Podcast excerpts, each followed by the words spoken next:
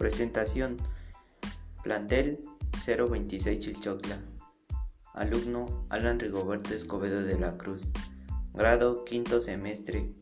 Grupo 501. Materia Administración 1. Actividad ensayo. En este pequeño ensayo hablaremos sobre los enfoques teóricos de la administración, cómo son los diferentes tipos, cuáles son las ventajas. Ven y acompáñame a ver de qué trata.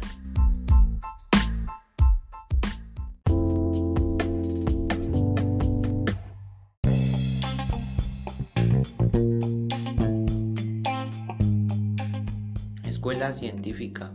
A finales del siglo XIX se inició la tendencia a utilizar una metodología científica que hiciera de la administración una disciplina basada en varios principios. Se reconoce al ingeniero estadounidense Frederick Taylor como fundador de esta escuela. Su preocupación fundamental fue siempre resolver los problemas que se presentaban en el área de producción. Algunos de los principios que estableció son Productividad habla sobre todo lo que se realiza o realiza una persona en un trabajo. Motivación. Solo el hombre habla para satisfacer sus necesidades. Optimización. El desempeño del trabajador. Organización. Todo trabajo debe de llevar orden para poder desarrollarlo. Efectividad. Estudio de tiempos y movimientos. Selección y capacitación del personal sistema de incentivos y castigos, división del trabajo. La conclusión fue que Taylor en su nuevo método de trabajo era aplicable a cualquier organización humana. Y pues esto nos da unas ventajas de que este, esta escuela establezca y resuelva los problemas que se presentan en el área de producción pues bueno, vamos a la siguiente escuela que es la clásica. Se le domina también tradicional. Es fundada por Henry Fayol.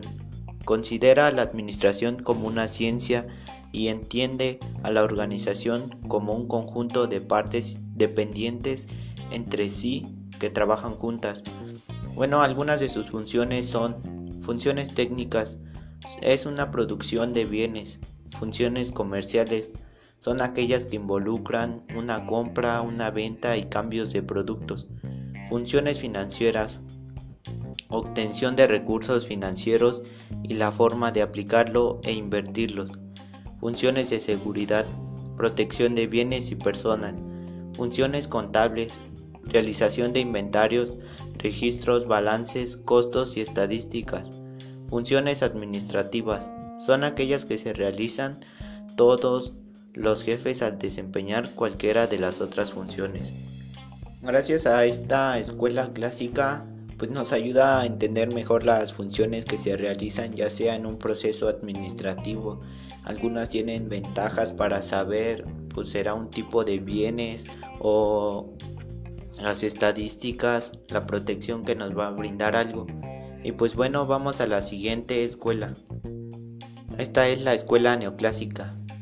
También, se le, también puede ser o se le conoce como la escuela operacional, escuela del proceso administrativo o enfoque, universalista de la administración, adaptada a la actualidad, aprovechando para su formulación de la contribución de otras teorías administrativas. Sus principales características son, hace énfasis en los aspectos prácticos, reafirma los postulados clásicos, resalta en los principios generales de la administración, orienta hacia los objetivos y los resultados, el.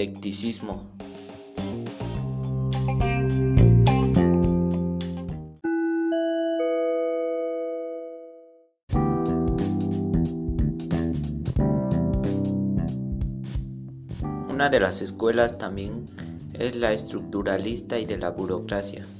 Es fundada por el padre de la sociología moderna, Max Weber. No concibe a la organización como un ente aislado. Algunas de las características son la estructura del comportamiento funcional, que es el estudio de la organización desde el punto de vista de la división del trabajo. La burocracia como una forma de organización humana basada en las normas impersonales y la racionalidad. Otra también es de las relaciones humanas. Nace en el contexto posterior a la Primera Guerra Mundial en Estados Unidos. Todas estas condiciones trajeron consigo efectos en la sociedad que dieron comienzo al mejoramiento de las jornadas del trabajo. El desempleo aumentó a gran escala en consecuencia de dicho movimiento bélico y por abusar del sistema de Taylor. Otra también es del comportamiento organizacional. Es aquella que nos plantea o la planteó por primera vez Herbert Simon en su libro El comportamiento administrativo. Su principal crítica hacia, las teorías clásicas y de la burocracia es para el concepto de la autoridad formal y la posición mecanicista de sus autores. Un fundamento esencial de este postulado propone que en la conducta individual se explica la conducta organizacional.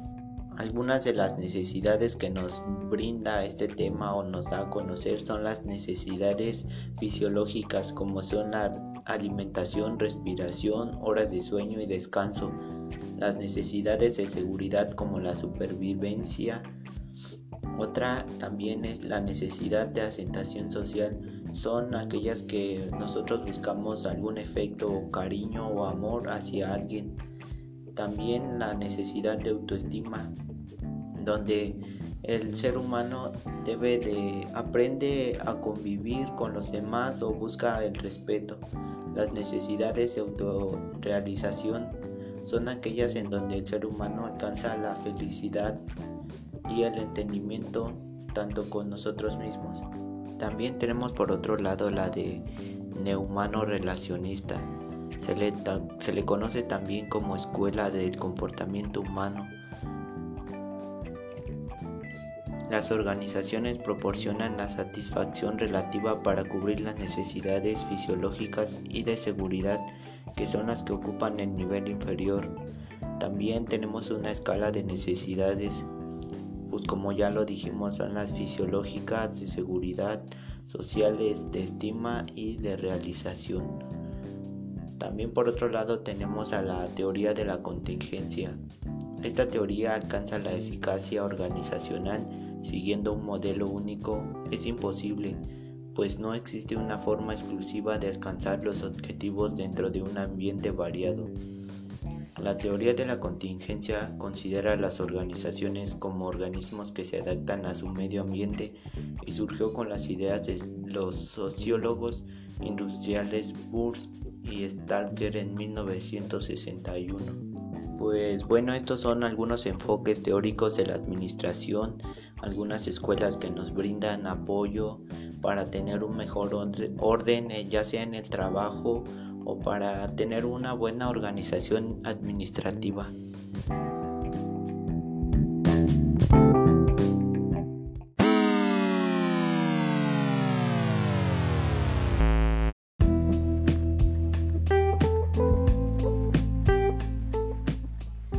Bueno, vamos a empezar con otro tema que es enfoques actuales de la administración y pues también en él se van a llevar a cabo diferentes temas que nos van a dar alguna ventaja para saber más de esto.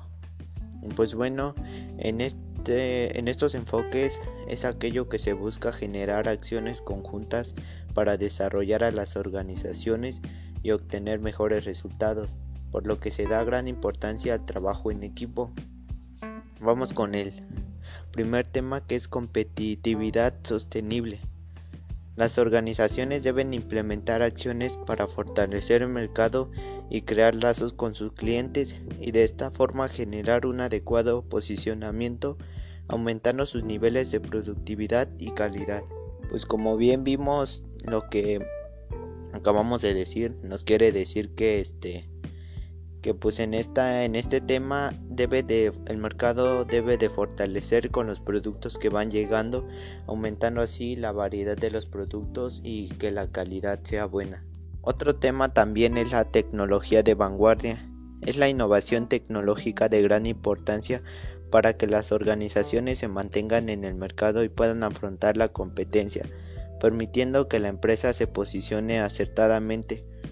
Algunas de sus características o tecnológicas de vanguardia son son materiales avanzados, nuevos artefactos, descubrimientos científicos, plataformas colaborativas, aplicaciones y herramientas. También otro tema que nos ayuda a entender mejor esto es el impulso al talento humano, empowerment. Surgió como una herramienta que permite guiar a las personas hacia sus especialidades y los ayuda para tomar decisiones eficientes. El objetivo primordial de este concepto es que los empleados se sientan satisfechos con sus trabajos, no sin antes atender cuestiones esenciales como la capacitación y el aprendizaje de conocimientos propios de su labor. Existen dos tipos de empowerment que son empowerment estructural. Se centra en las condiciones del ambiente de trabajo que son las que conducen a la satisfacción laboral como la autonomía, carga de trabajo y posición dentro de la empresa. Empowerment psicológico es la interpretación mental de cada individuo a los cambios estructurales del ambiente del trabajo. Estas interpretaciones se generan en cuatro dimensiones que son el significado, la competencia, la autodeterminación y el impacto. Bueno, pues en este tema nos ayuda o nos explica a entender mejor cómo es el cómo es el medio en donde nosotros trabajamos, cómo nos desarrollamos como empleadores o en un trabajo cómo te sientes y estás satisfecho y te lleva o sé que este empowerment es como una guía de trabajo.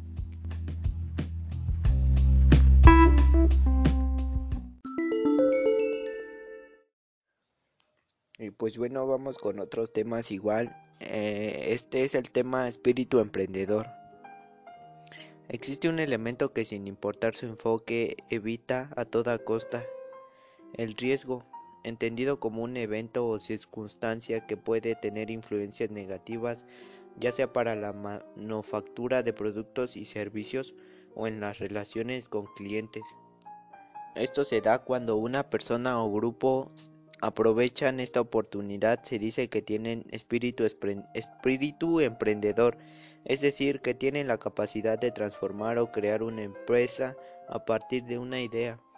Y pues esto nos quiere dar a entender que existen muchas personas que tienen una idea y que pues rápido pueden lograr tener el éxito ya sea en una empresa o prestando otro servicio.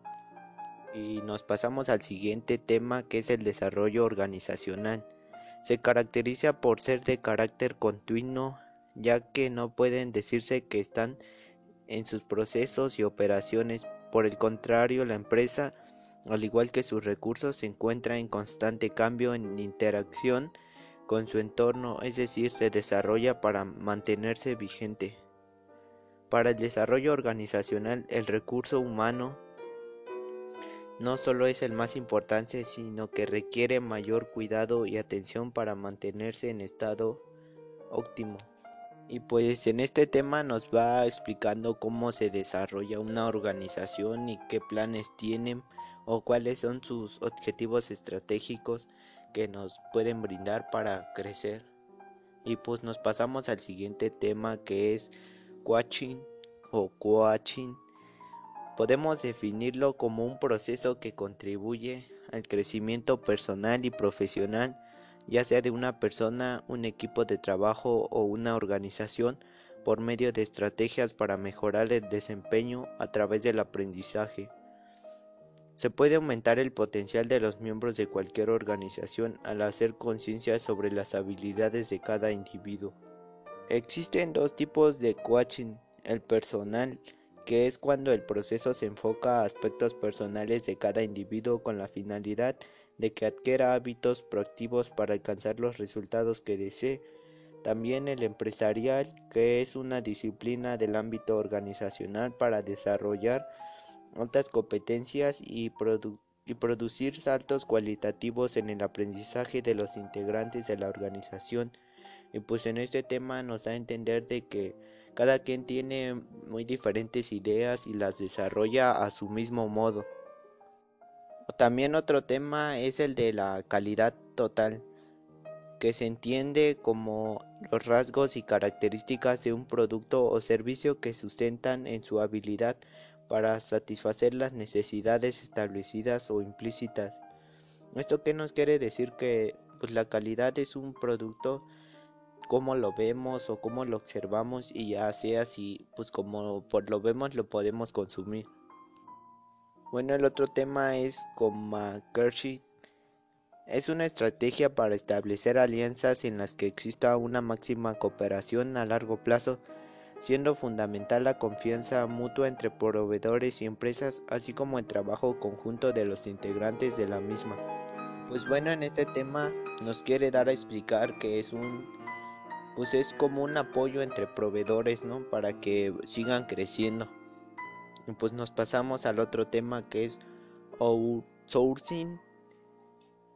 Este tema hace referencia a una fuente externa que es utilizada en un ambiente empresarial, siendo un proceso utilizado por una empresa que contrata a otra para desarrollar trabajos en un área determinada. Los tipos más comunes que son son los de sistemas financieros, que es la transferencia de una empresa externa hacia las funciones financieras de sistemas contables, es la transferencia o externalización de la ejecución de las funciones contables que no forman parte de los procesos claves de la organización de sistemas informáticos es la contratación de agentes externos sobre los servicios y tareas informáticas de recursos humanos que es la externalización de procesos de reclutamiento de personal para una empresa y de sistemas administrativos, que es la transferencia a una empresa externa de las tareas administrativas. Y pues como vimos en estos temas son de gran ayuda ya que estos enfoques son actuales y nos ayudan a tener una mejor administración ya sea en las empresas o pequeños negocios que nosotros tenemos a diario. Y gracias a estos temas nos podemos dar cuenta de cómo lo podemos manejar, cuáles son los beneficios o desventajas que a veces nos trae tener una empresa, cómo la podemos manejar y cómo podemos también que los empleados se sientan satisfechos. Y pues bueno, creo que sería todo y pues le doy muchas gracias por prestarme de su atención y saludos a todos.